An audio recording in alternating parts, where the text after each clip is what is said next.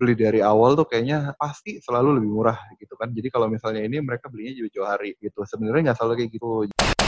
Ngobrol pagi-pagi setiap hari dijamin happy.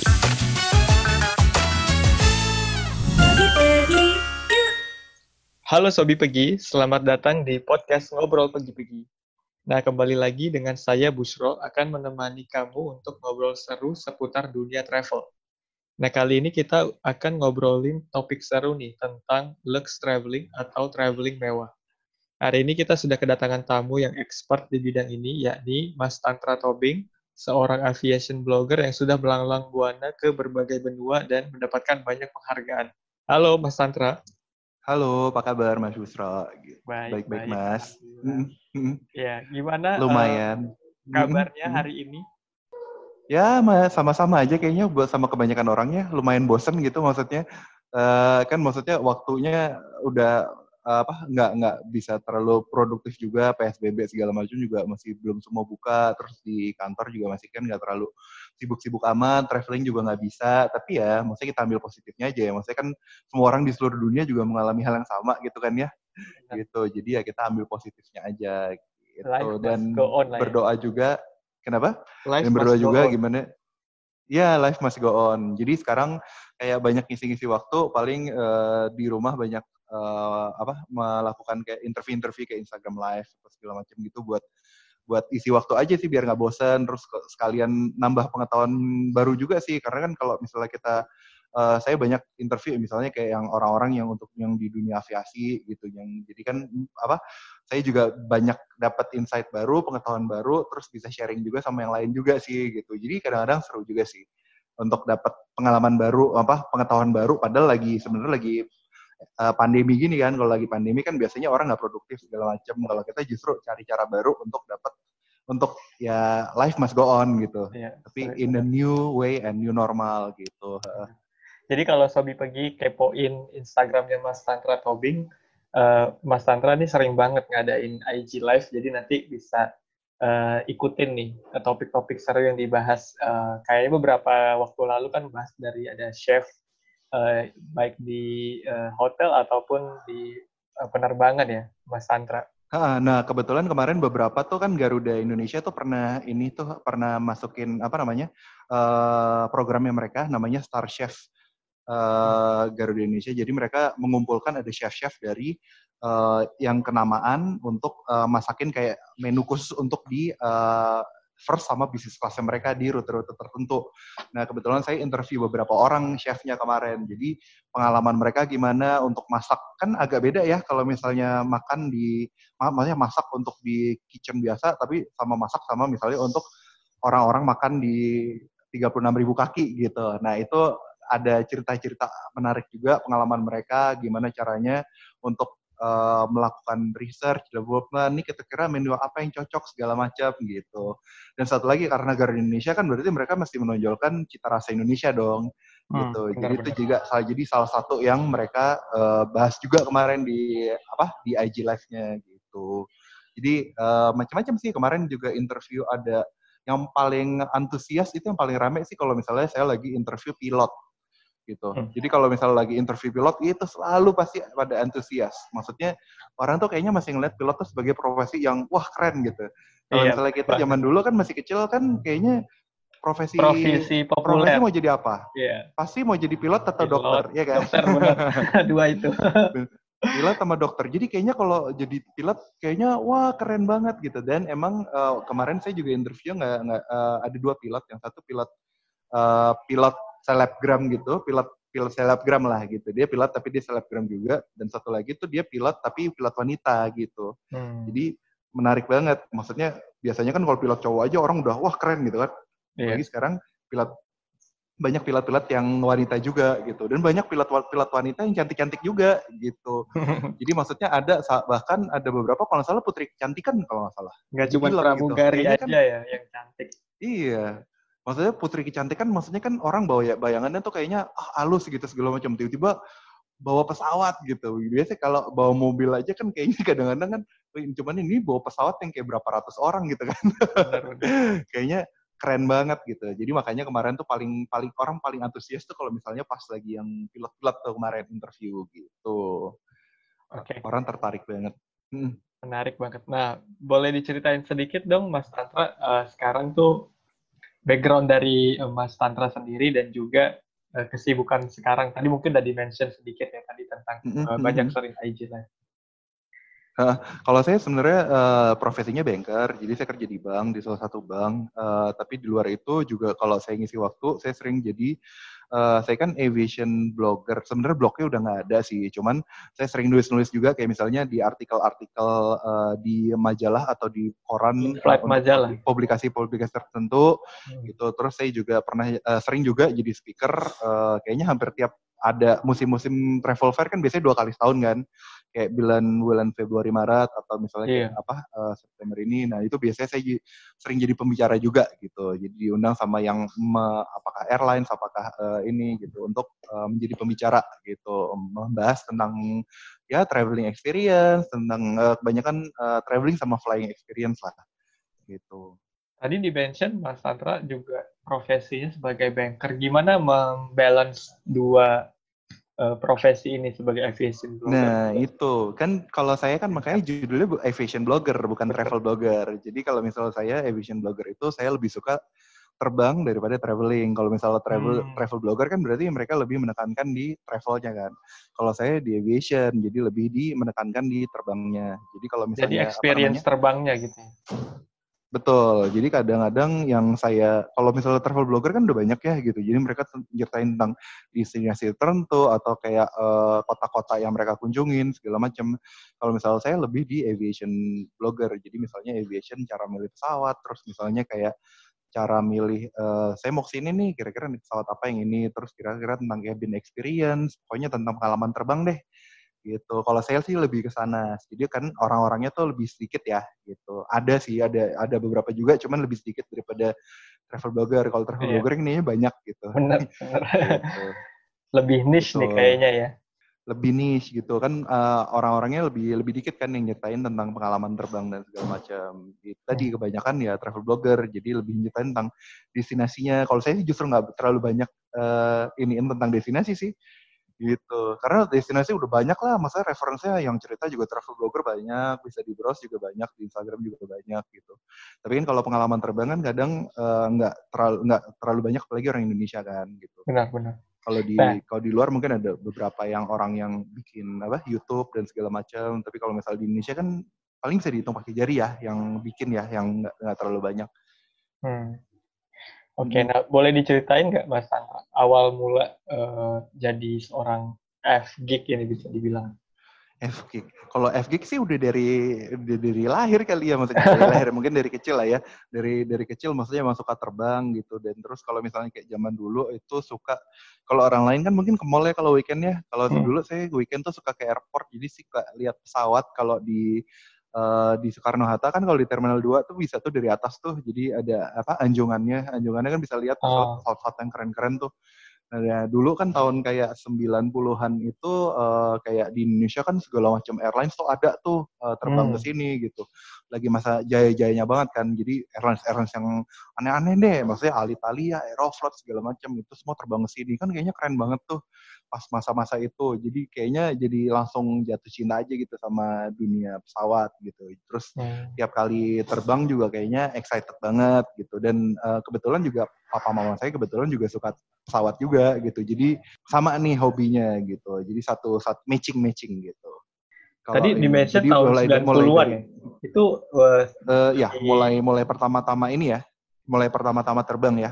Oh, gitu. Tapi kan itu kayak terbang kayak misalnya kayak terbang untuk liburan dan segala macam. Tapi kalau misalnya untuk nulisnya sebenarnya dimulai belum lama sih. Sebenarnya mungkin baru tiga tahun tiga tahun empat tahun mungkin ya. Saya hmm. bikin blog waktu itu. Jadi satu bikin blog blognya sekarang udah nggak ada karena saya lagi nggak ada waktu akhirnya untuk untuk urusnya nah, terus dari blog itu terus tiba-tiba kayak sering diundang. Misalnya kayak sering jadi pembicara di radio terus kayak interview di YouTube terus kayak itu tadi kayak apa penulis-penulis di um, majalah atau di koran gitu dan segala macam gitu. Akhirnya jadi lebih kayak expose untuk uh, hal yang aviationnya ya gitu. Terus hmm. dari situ kan kayak misalnya kayak banyak banyak airline semasa kayak uh, me, apa namanya me, jadi kayak brand ambassador mereka gitu. Maksudnya nggak brand ambassador kayak endorser mereka gitu. Nah jadi lebih semenjak itu sih. Iya hmm? dari yang paling menarik dari aviation blogger apa sih Mas Tantra? Yang paling menarik apa ya? Maksudnya emang itu sesuatu yang kita suka sih. Jadi lebih lebih emang ke passionnya gitu. Jadi oh, emang passion. kita uh, suka dengan dunia itu. Jadi emang kita ngelakuin karena kita suka aja. Justru kan maksudnya kita saya kan emang bukan itu sebenarnya profesi sampingan sebagai hobi gitu kan gitu. Karena kan saya profesi utamanya kan sebagai banker gitu. Jadi itu uh, yang menunjang uh, ini aja gitu hobi sih gitu. Jadi if we do something yang emang kayak hobi kita ya seneng aja sih. Maksudnya nggak nggak dihitung-hitung ada ada dapat apanya segala macam tapi memang hobi hobi dan seneng. Dan ternyata terakhir-terakhir saya juga nyadar kalau baru sadar kalau misalnya saya suka nulis juga gitu. Saya waktu hmm. itu nyoba nulis ya gitu. Ternyata oh asik juga nulis, ternyata fun juga gitu nulis. Jadi ada dua sharing dua ya, sharing info. Hal, betul. Jadi ada dua hal yang disukain lah. Jadi maksudnya terbang dan nulis juga gitu. Kalau di pas hmm. terbang itu biasanya hal apa nih yang di review? Experience review, apa ya? wah, ya? Wah, pengalamannya banyak. Jadi nggak cuma dari terbang aja, tapi dari misalnya uh, sampai ke airport. Jadi pas justru dimulainya itu mulai dari airport. Jadi pas turun dari dari kendaraan masuk uh, masuk ke airport, nah terus segala pengalaman yang di airportnya, misal dari check in, terus kan uh, karena saya suka aviation dan suka bandara, suka airport gitu, jadi saya kalau datang tuh kayak jauh-jauh jam-jam jauh sebelumnya gitu. Jadi kayak seneng aja gitu di airport gitu, lihat-lihat jalan-jalan, lihat-lihat orang gitu. Jadi per apa saya biasanya kalau check in tuh kayak jauh-jauh sebelum sebelum flightnya gitu. Nah terus uh, nah di situ kan uh, pengalaman di airportnya terus pas boardingnya terus uh, pas duduk duduk di pesawatnya servisnya uh, terus pas take off apalagi kalau misalnya take off landing kan kalau misalnya kita aviation ini kayaknya suka banget gitu kan ngelihatnya gitu. Justru itu hal-hal part yang paling menarik dari terbang lah gitu. Jadi kayak sensasi kayak goyang-goyangnya segala macam gitu. Tapi goyang-goyangnya jangan yang serem-serem ya. Goyang-goyang yang ini aja gitu, yang take off landing kalau misalnya kayak udah turbulence atau apa sih saya juga takut sih gitu. Jadi kadang suka dapat pertanyaan juga, kalau aviation geek suka takut terbang gak sih? Ya iyalah takut terbang, masa iya enggak gitu kan. Sama aja kali takut juga kali. Itu kan kayak naik roller coaster gitu. Tiba-tiba sudden apa yang turun gitu sudden drop atau gimana gitu. Tetap aja takut kali gitu. Yeah, yeah. kalau misalnya apa uh, kalau misalnya kan biasanya kalau misalnya bis kayak ngelihat kayak berita kayak kecelakaan pesawat segala macam gitu takut lah. Nggak mungkin nggak takut gitu. Itu tapi kan ya maksudnya kan kemungkinannya kan sangat kecil ya gitu. Kalau misalnya kecelakaan pesawat gitu. Jadi semuanya benar-benar di review sih. Jadi benar-benar semua aspek dari dari dari terbang. Jadi nggak cuma pas lagi terbangnya aja tapi mulai dari pas nyampe di bandara sampai ninggalin bandara biasanya. Gitu. di dunia ini ada berapa maskapai sih mas uh, Tantra berapa maskapai di dunia? Waduh good question juga tuh. Nggak pernah browsing mungkin tapi kayaknya ada ada ini ya aliansi sampai seribu lah ya. aliansi besarnya ada yep. Sky Sky Z, eh sorry, apa? Sky Team. Sky uh, Team kan dan Sky Team, uh, dan One Team. Uh, Star Alliance, Sky Star Team, Star Alliance, One World, ada One tiga. World. Uh, uh. Uh, nah, dari uh, ketiga aliansi ini, Ma, hmm? uh, kalau Mas Tantra bisa dibilang udah coba berapa persen ini pesawat? Hmm, hmm, waktu itu kalau misalnya untuk yang ke 20 airlines in the world kayaknya saya udah semua kecuali satu ya kalau nggak salah ya waktu itu. Gitu jadi kan ada ada rank ada rankingnya tuh tiap tahun gitu. Rankingnya tiap tahun tuh misalnya kayak berapa 50 biasanya kalau nggak salah 50 airlines terbaik ya gitu. Saya nggak apa sampai 50 tapi waktu itu ngecek sampai 20 itu semuanya udah kecuali satu airline sih yang belum. Oh apa tuh satu airline? Uh, satu airline waktu itu kalau nggak salah Swiss Airlines ya oh. Swiss International. Uh, uh. Hmm gitu. Kayaknya itu yang belum deh kalau nggak salah. Dari yang 20 ya gitu. Pakai ingatnya cuma satu aja yang belum. Gitu. dari yang kan biasanya kalau maskapai punya kelas-kelas nih yang paling hmm. memorable kelas apa yang pernah Mas Tantra cobain? Jadi waktu itu uh, kema waktu berapa ya? Dua tahun lalu deh dua tahun lalu itu nyoba Oman Air. Jadi Oman Air itu karena uh, denger denger aja kok katanya kayaknya bagus nih gitu kan. Nah terus pas saya coba wah bener-bener semuanya tuh bener-bener kayak yang above expectation banget. Jadi hmm. sih seneng kayak gitu tuh. Jadi maksudnya kan kalau datang kan kita nggak ada ekspektasi banyak gitu kan, karena kan uh, apa kita nggak nggak nggak nggak nggak ada ekspektasi karena belum tahu kira-kira akan dapat apa nih terus tiba-tiba dapat yang wow banget nah itu baru puas banget gitu kalau misalnya kayak misalnya naik pesawat pesawat yang lain kan oke okay, udah udah tahu nih yang lebih terkenal ya itu kan kita udah tahu lah oh kita bakal dapat ini bakal dapat ini bakal dapat ini jadi pas udah naik udah sesuai ekspektasi aja gitu. Kalau misalnya kayak yang airlines airlines yang kayak belum terlalu banyak terekspos kan kayak uh, kayak kita nggak tahu gitu kan dia dapat apa dapat apa. Tahu oh ini dan ternyata puas gitu. Itu kan puasannya kayak lebih gitu. Itu rutenya ke mana mas? Uh, Oman Air waktu itu ke Frankfurt Oh, waktu itu dua tahun yang lalu. Uh, jadi semenjak abis semenjak itu saya tiap kali long haul hampir selalu naiknya si Oman Air. Oman Air waktu itu uh, karena puas dan harganya juga oke okay sih. Harganya juga dibanding yang lain juga. Nah, iya. Uh, Harga okay itu ya. uh, paling paling ya. untuk kita kita nih uh, harga iya. yang pas di dompet ya. Iya, dia, dia harganya nggak perlu promo juga harganya oke okay sih. Maksudnya nggak perlu kayak lagi apa travel fair atau lagi online travel fair gitu. Itu harganya juga biasanya juga udah di bawah uh, oke okay sih harganya gitu. Tapi yang lucunya kalau misalnya orang naik itu mereka rada-rada keliru nih kalau misalnya berita-berita yang kayak perang-perang di apa daerah-daerah sana, daerah-daerah Arab atau Teluk itu kan mereka ininya Yaman. Ini kan mereka nggak bisa beda ini Yaman sama Oman sama nggak sih daerahnya perang ya. beda Y dan O doang ya. iya kan nggak tahu, kayaknya iya, kita iya, juga nggak tahu dari sana. Sama kayak orang sana kalau ke sini kan Indonesia sama Malaysia bedanya apa sih? Sama-sama aja kayaknya kan. gitu. Jadi uh, banyak orang yang kayak nggak takut masih takut terbang ke airlines itu karena karena karena ya itu tadi persepsinya Isu, gitu. Ya.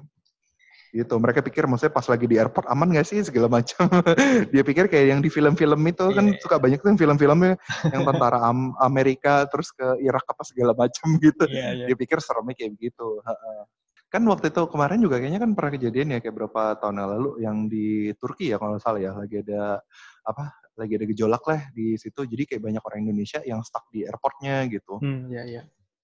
Gitu. Jadi kan itu kayak mereka stuck kayak berapa hari gitu di airportnya. Jadi nggak bisa ke mana-mana karena kan nggak boleh keluar dan pesawatnya nggak ada yang terbang gitu. Hmm. jadi stuck kasihan banget. Terus kalau gitu. dari dunia aviasi uh, menurut Mas Tanta itu tertariknya uh, sorry yang menarik dari dunia aviasi itu apa menarik dari dunia aviasi, aviasi uh, kalau saya sih ya itu tadi karena kenangan dari masa kecil tadi yang suka ngelihat yang di airport, di suka lihat pesawat segala macam, suka aja. Maksudnya uh, ngelihat sensasi ngelihatnya tuh keren aja gitu. Misalnya bentuk pesawatnya kan keren gitu, misalnya kayak lonjong panjang gitu kan keren aja gitu. Nah terus tiba-tiba pas take off terus kayaknya dari kecil kan pasti mikir kan ini kok bisa terbang ya kayak gini ya teknologi apa sih kayak gitu jadi maksudnya keren aja sih gitu. Hmm. karena sensasi sens keren ngelihatnya keren udah gitu sensasi pas kita di dalamnya juga keren. Misalnya kayak terbang tuh kan kayaknya nggak tahu kayak apa ya kayak sensasi beda ya. Kalau misalnya orang kan hobinya beda-beda ya gitu. Benar benar. Ini kalau buat berapa orang kalau misalnya mereka suka naik sepeda gitu. Kan kalau saya nggak suka naik sepeda gitu kan. Kalau naik sepeda kayaknya seneng gitu. Jadi beda sih sensasinya karena sesuai passion masing-masing ya. Kalau saya passionnya suka naik pesawat gitu aviasi gitu. Dulu jangan-jangan uh, Mas Tantra nih cita-cita jadi pilot Iyalah, kan udah dibilang oh, iya. tadi. Kalau zaman dulu kan pasti kalau misalnya cita-cita anak kecil kan pasti kalau nggak pilot dokter ya sih. Jadi kayaknya kalau semua anak cowok tuh biasanya pilot sama dokter kan, sama ya. polisi deh gitu. Ya kan di antara tiga itu. ya saya udah pasti pilot Tapi juga lah pernah pasti coba jawabnya, Mas gitu. Sebenarnya? Pernah coba? Enggak sih, jadi karena dulu udah tahu. Maksudnya kan kalau dulu kan persepsinya kalau pakai kacamata kan nggak bisa jadi pilot ya, oh, ya. Iya, gitu. Iya. Jadi ya udah ke brainwash maksudnya ya udah nggak bisa jadi pilot tapi karena suka terbang saya dulu uh, jadi melampiaskan itu koleksi yang miniatur pesawat gitu loh oh iya yeah. ya yang dipajang-pajang gitu oke okay, oke okay. nah, selama psbb ini sekarang gimana sih rasanya yang pasti udah udah pernah terbang nggak selama masa psbb jangan-jangan belum terakhir belum. Februari terakhir Februari, Februari ya. Ya, waktu itu udah ada beritanya sih, tapi di, di Indonesia kayaknya belum ada yang kena waktu itu. Iya, Maret. di luar udah ada, cuman. Hmm. Uh, kalau saya sih nggak apa-apa ya, maksudnya nggak terbang ya nggak apa-apa karena kan semua orang di dunia juga mengalami hal yang sama. Tapi yang lebih sedih tuh kalau misalnya ngelihat kan misalnya saya juga banyak teman nih misalnya kayak di airlines, di aviasi, di uh, travel agent atau di hotel gitu kan segala macam uh, itu kan banyak, mereka nggak banyak uh, mereka kan banyak melakukan kayak pengurangan pegawai segala macam itu kan kayaknya sedih dengarnya gitu kan. Maksudnya teman-teman kita juga banyak yang di sana gitu segala macam sedih aja ngelihatnya gitu. Terus kan ada banyak airlines yang udah bangkrut juga gitu. Jadi maksudnya sedih aja sih gitu kan. Maksudnya uh, mungkin uh, akan takes berpuluh-puluh tahun lagi untuk bisa di titik yang sekarang gitu. Sekarang even kayak yang airline airlines yang kuat-kuat aja gitu itu mereka udah melakukan restrukturisasi udah melakukan pengurangan pegawai segala macam. Jadi maksudnya lebih sedih ke sananya sih. Yeah. gitu. Benar hmm, banget. terus Kita hotel juga, pun even hotel sampai hotel pun juga banyak yang tutup gitu kan. Iya yeah, setuju. Jadi partner maskapai lebih dari miris. Pergi juga dari hotel memang kondisinya sekarang itu sangat menantang sekali. Karena iya, COVID-19 betul lebih sedih ke sananya sih kalau misalnya nggak terbang segala macam ah ya udahlah gitu maksudnya. Kan semua orang juga ngalamin hal sama. Lagian kalau dipaksain juga terbang kayak, kayak sekarang kan udah buka nih kalau misalnya airline atau penerbangan tapi kan terbang sekarang juga nggak nggak nggak nggak nggak menyenangkan gitu kan. Jadinya ada kayak protokol-protokol khusus yang di, perlu diikutin terus kayak mesti parno-parno gitu. Aduh mendingan nggak usah deh ya kan? Gitu. Tapi bocoran Mas Tantra kalau di tahun-tahun sebelumnya biasanya kalau travel internasional berapa kali setahun, kalau domestik berapa kali setahun? Oh, rata-rata sih. Rata-rata aja. Kayak, uh, paling dikit sekitar 50 flight, paling banyak. Itu. Wow. Waktu itu kalau nggak salah dua, dua tahun lalu ya, sekitar 70-an flight sih. Tapi kan kemarin itu karena banyaknya kalau misalnya di Europe kan uh, uh, satu kali ter, satu kali trip itu kan bisa kayak ke berapa negara kan naik pesawat berapa kali berapa kali gitu kan jadi kayak bisa kehitungnya itu kayak satu gitu. Kalau udah stopover ke kotanya aja udah empat kan, pulang balik pulang balik gitu. Terus kalau misalnya pindah-pindah negara itu bisa kayak empat lima flight, jadi udah bisa kayak hampir sembilan sepuluh flight gitu kan kalau dalam satu trip misalnya kayak ke Europe gitu segala macam. Hmm, banyak banget ya 70 kali itu Sobi pergi jadi uh, itu boleh di share nggak Mas Tantra itu bisa banyak gitu karena dapat murah atau gimana? Hmm, kebanyakan karena oh iya sama satu lagi kalau saya itu kan kalau misalnya terbang itu kan nggak gitu suka terlalu berada di satu negara terlalu lama gitu ya. Hmm. Jadi misalnya kayak cuma satu hari terus dua hari satu hari atau dua hari terus pindah ke kota oh, lain, cukup kota cepat lain banget. gitu cepat uh, bosan kalau kelamaan gitu. Dan saya aku nggak nggak saya nggak suka yang kayak terlalu lama di satu kota gitu. Paling nggak kan udah tahu mengunjungi ini mengunjungi ya satu hari dua hari juga saya biasanya udah udah tercapai semua lah gitu. Pengen ngapain aja di apa yang dilihat di kota itu gitu. Jadi kebanyakan uh, ya itu banyaknya karena banyak pindah menclok-menclok negaranya sih. Berarti kalau secara destination suka hmm. yang lebih city gitu ya Mas Tantra Uh, saya lebih ke City, uh, betul. Gitu, lebih suka yang kayak dinamis atau yang kayak uh, fasenya cepat gitu loh. Jadi hmm. emang saya kurang, uh, emang lebih prefer maksudnya perkotaan dibanding kayak misalnya kayak alam, uh, pantai, gunung gitu. Jadi kalau pantai gunung tuh kayaknya terlalu tenang gitu ya. Mau orang kan beberapa banyak yang nyari ketenangan. Kalau yeah, saya iya. malah yeah. kalau cari ketenangan bingung sih gitu kayak gitu pengennya kayak oke okay, cepet gitu. Oke okay, jalan terus kayak lihat orang lalu lalang gitu. Nah itu hasil bisa kayak ngeliat kayak gitu tuh. Hmm. gitu. Keramaian di saya, bandara juga keramaian ya, di jalan. serem. keramaian di bandara. Tapi sekarang sih serem ya. Kalau sekarang sih jangan rame-rame sih serem. Iya, iya, bener -bener gitu. Nah kalau lagi terbang di pesawat biasanya apa sih yang Mas Ranta paling suka makanannya mungkin feature di pesawat, pelayanan atau apa? Kalau makan sih udah pasti ini ya, uh, makan udah pasti. Tapi makan udah juga udah subjektif lah ya. Iya. Rasa, yeah. maksudnya rasa. Even kalau kita ngomongin nasi goreng, nasi goreng dia beberapa orang tertentu mungkin saat ada bilang enak, ada yang bilang nggak enak gitu kan. Jadi uh, kalau makanan sih subjektif. Kalau misalnya apa servis pun juga sebenarnya subjektif. Karena kan uh, apa namanya ada yang tiba-tiba dapat misalnya pramugarinya yang jutek gitu kan segala macam. Kan kadang-kadang bisa kayak gitu juga gitu. Jadi sebenarnya uh, personal juga. Tapi kalau yang yang uh, yang apa yang mutlak itu kan pasti kayak seatnya seperti apa terus entertainmentnya seperti apa. Nah itu kan yang yang yang pasti ada gitu loh. Hmm. gitu. Tapi jadi yang paling suka saya karena merasakan sensasi misalnya kayak duduk di uh, seatnya. Jadi sebenarnya semua elemen yang di pesawat tuh sebenarnya saya suka sih gitu. Jadi kayak makannya, saya selalu perhatiin gitu. Misalnya kayak servisnya segala macam gitu. Jadi kayak uh, seneng aja gitu lah every moment kayak uh, counts gitu kalau Ya. di pesawat selama momen terbang. Jadi kadang kalau misalnya ini malah lebih excited terbangnya daripada di liburannya gitu. Jadi kalau liburan udah nyampe di sana pengen cepet-cepet balik terbang lagi gitu. Quote yang menarik nih, ketika terbang, jadi every moment counts.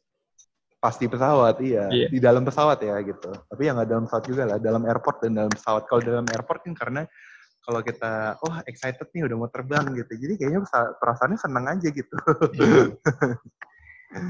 Nah, gitu. sejauh ini nih, pengalaman menarik Hmm. apa nih yang selama terbang? Pengalaman menarik apa ya? Contohnya mungkin kayak misalnya kalau lagi terbang terus tiba-tiba dikenalin sama pramugarinya gitu kan kadang-kadang eh, suka Hmm. apa? Dari Instagram lah atau dari apa? Kadang-kadang kadang-kadang suka ada yang kenalin gitu. Tapi kenalinnya tapi lucu sih. Misalnya kayak misalnya saya naik ke satu apa eh, penerbangan tertentu gitu eh, yang which is yang saya jarang gitu. Nah terus waktu itu pernah kayak sekali itu di Hong Kong tuh. Jadi Hong Kong ke Jakarta saya nggak sebutin airlines-nya tapi eh, waktu itu saya naik eh, airlines-nya terus tiba-tiba pas masuk halo Mas Antra tumben naik airlines ini nggak naik airlines yang lain gitu karena karena mereka tahu tuh maksudnya emang jarang sih naik Udah langganan ya, ada Tapi- langganan. ada langganan gitu. Iya, aduh jawabnya gimana ya nggak enak ya. Terus pas kayak pas makan di airlines itu contohnya ya, eh, kan saya suka bawa sambal, suka bawa kerupuk gitu. Jadi eh, Oh iya, kadang-kadang kayak menarik pramugarinya berapa kali, berapa kali kalau misalnya lagi terbang itu juga kayak misalnya kalau emang pramugarinya kenal, ini Pak tambahan kerupuk sama sambal dan segala macam udah tahu gitu. Lucu sih. Maksudnya nggak expect aja itu kan kayak hal-hal yang kecil aja sih sebenarnya kan. gitu. Tapi ya cukup menarik aja gitu. Sebenarnya ah, menarik campur agak malu sih. tapi tadi tipsnya menarik Gitu. kalau buat sobi pergi yang suka banget makanan Indo nggak bisa lepas sama sambal dan kerupuk nah, itu bisa di sambil dibawa tuh buat sambil dimakan. Iya, habis di- kalau orang. Indonesia kan gitu kan. Kalau orang Indonesia kan kalau misalnya makanan apa juga nggak enak. Kalau misalnya saya makan sushi aja pakai sambal. ini. Habis habis kalau pakai kecap asin gitu kan. Iya. Jadi saya lebih suka bahkan kalau misalnya makan sushi aja pakai pakai pakai sambal gitu ini. Oke. Tapi kalau saya ke mana-mana selalu bawa sambal sama kerupuk sih. Gitu. Oke, Habis makanan nggak enak nggak enaknya pasti kalau pakai sambal sama kerupuk pasti rada mendingan rasanya. bener sih, setuju itu. Kalau itu setuju. iya. Nah, terus kalau Mas Tanto nih boleh share mungkin tadi eh, bocoran kalau misalkan mau dapat pengalaman luxury traveling tapi hemat mungkin kan banyak yang sharing eh, gunakan mileage atau gimana cara upgrade mungkin Mas Tantra bisa share beberapa tips. Hmm, kalau misalnya mileage sih kayaknya udah banyak referensi ya kalau misalnya di website-website segala macam pilih kartu apa segala macam itu kayaknya udah banyak eh, apa yang nulis juga saya juga udah nulis berapa kali juga tentang tips-tips gitu. Jadi kayak misalnya kalau di Google kayaknya udah mulai banyak juga ya referensi ininya ya. Eh, referensi untuk memilih kartu yang eh, terbaik. Karena kan kalau kartu itu eh, yang cocok-cocokan juga sama orang-orang. Jadi tergantung dengan eh, spending apa spend apa habit spendingnya mereka gitu kan. Ya. jadi nggak oke satu orang bilang "Sa- kartu ini bagus. Tapi tetap aja itu harus eh, sesuai dengan karakter pengeluaran atau pemakaian kartu kredit dari orang-orang tertentu juga. Jadi perlu di matchingin gitu. Ada beberapa artikel sih saya juga udah pernah nulis juga berapa kali mungkin bisa dibaca. Tapi kalau misalnya hal-hal yang lain terkait terkait misalnya kayak eh, gimana cara yang tadi luxury experience ya gitu. Nah kalau misalnya luxury experience, mungkin kalau misalnya saya bisa suggest kalau misalnya mau bukan dari mileage, itu misalnya kalau misalnya punya teman pramugari atau cabin crew gitu, nah kalau misalnya mau terbang, itu biasanya kita bisa titipin tuh, misalnya kayak namanya jadi eh, dititipin ke pramugarinya, eh titipin pramugarinya yang lagi bertugas gitu. Kalau misalnya pramugari pramugari kan mereka biasanya kenal-kenal tuh gitu atau Hmm. mereka mereka biasanya udah bisa tahu tuh oh Hmm, eh gue flight ini nih tolong cekin dong siapa yang lagi kerja gitu. Nah mereka bisa tuh.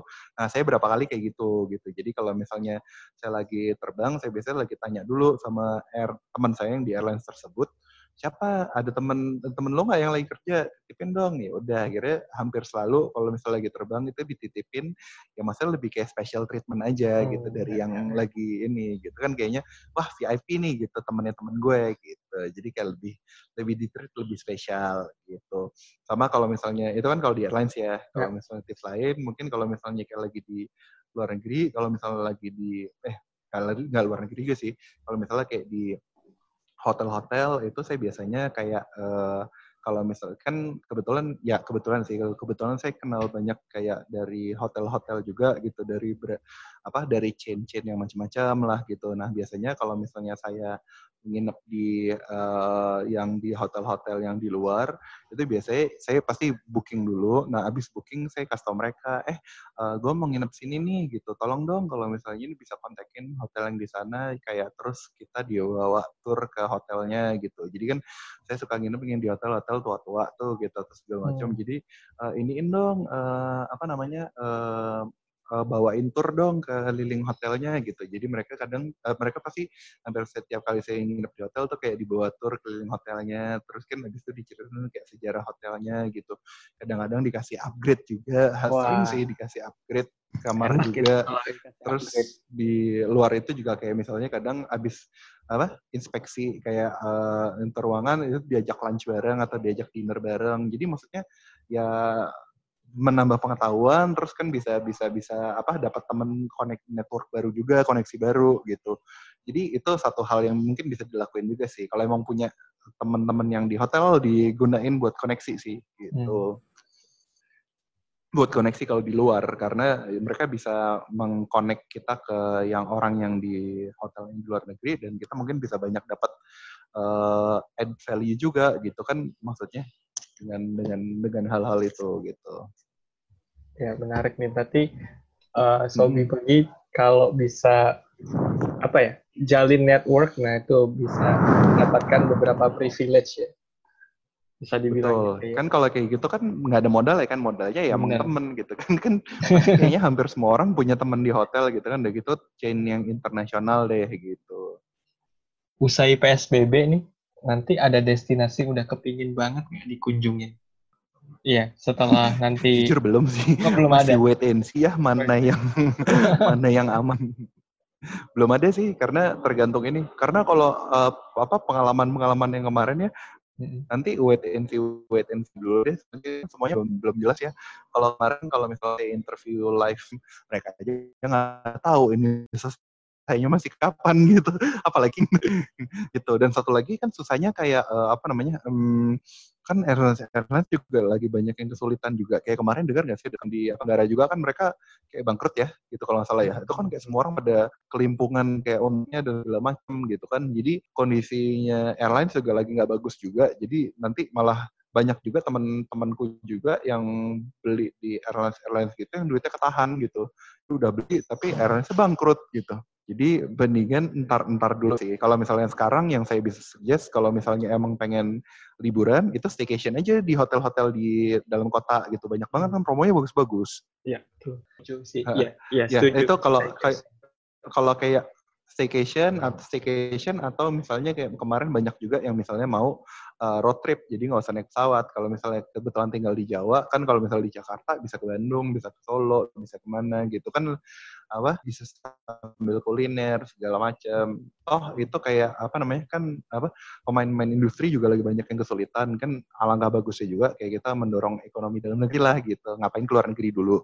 Kalau Wah, takut menarik terbang takut airport segala macam juga bisa. Itu tadi staycation.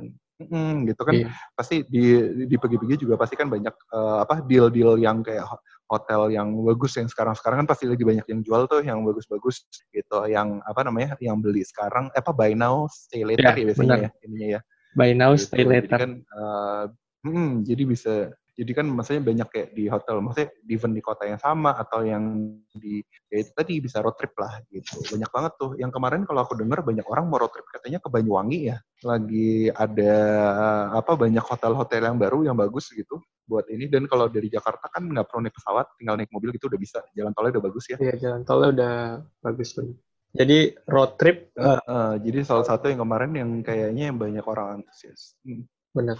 Road trip terus kalaupun Iya, mau Mas. di dalam Ah. kota staycation ya. staycation. Kayaknya hotel-hotel di Jakarta ininya bagus-bagus nih. Ya kayak saya, kayak saya di Jakarta ya, maksudnya kalau misalnya kamu tinggal di apa, hobi pergi pada tinggal di Jakarta banyak hotel-hotel yang uh, menarik juga kok, even kayak yang berbintang gitu.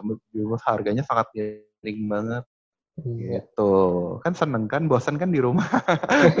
Bos kalau bosan di rumah ya mau iya. mungkin mau ini di hotel mungkin orang pikirannya mungkin kayak keluar rumah takut gitu. Tapi hotel kan standarnya juga internasional sama kok pasti aman kok gitu. setuju.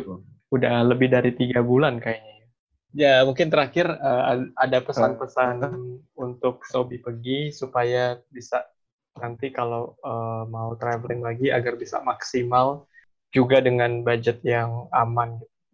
Tadi mungkin udah disebut ya beberapa application. Cuman kalau mau di-share lebih banyak dari Mas Tantra gimana?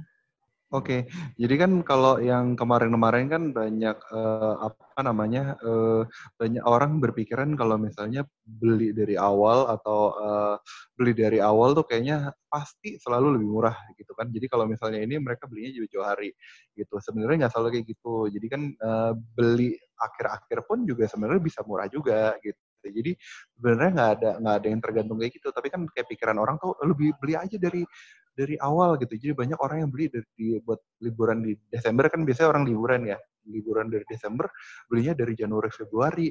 Terus tiba-tiba pas terakhir-terakhir tiba-tiba apakah istrinya hamil, tiba-tiba apa dia ini gitu kan.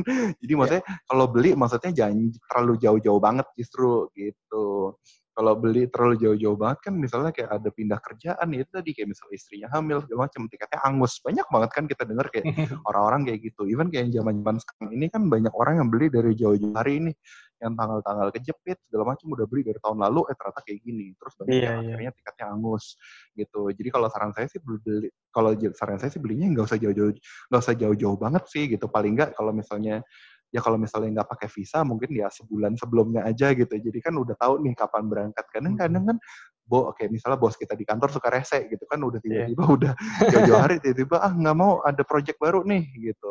Jadi belinya jangan jauh-jauh hari banget gitu. Nanti kalau misalnya angus man kan sayang juga gitu. Yeah. jadi udah sedekat-dekat aja. Uh, dekat-dekat masa dekat-dekat berangkat uh, masa ya mungkin sebulanan sebelum keberangkatan. Terus kalau misalnya pakai visa mungkin ya paling nggak biasanya kan urus visa kan dua minggu sebulan gitu kan ya hmm. paling nggak dua, dua tiga bulan sebelumnya lah kalau pakai visa gitu. Pokoknya jangan jauh-jauh hari banget.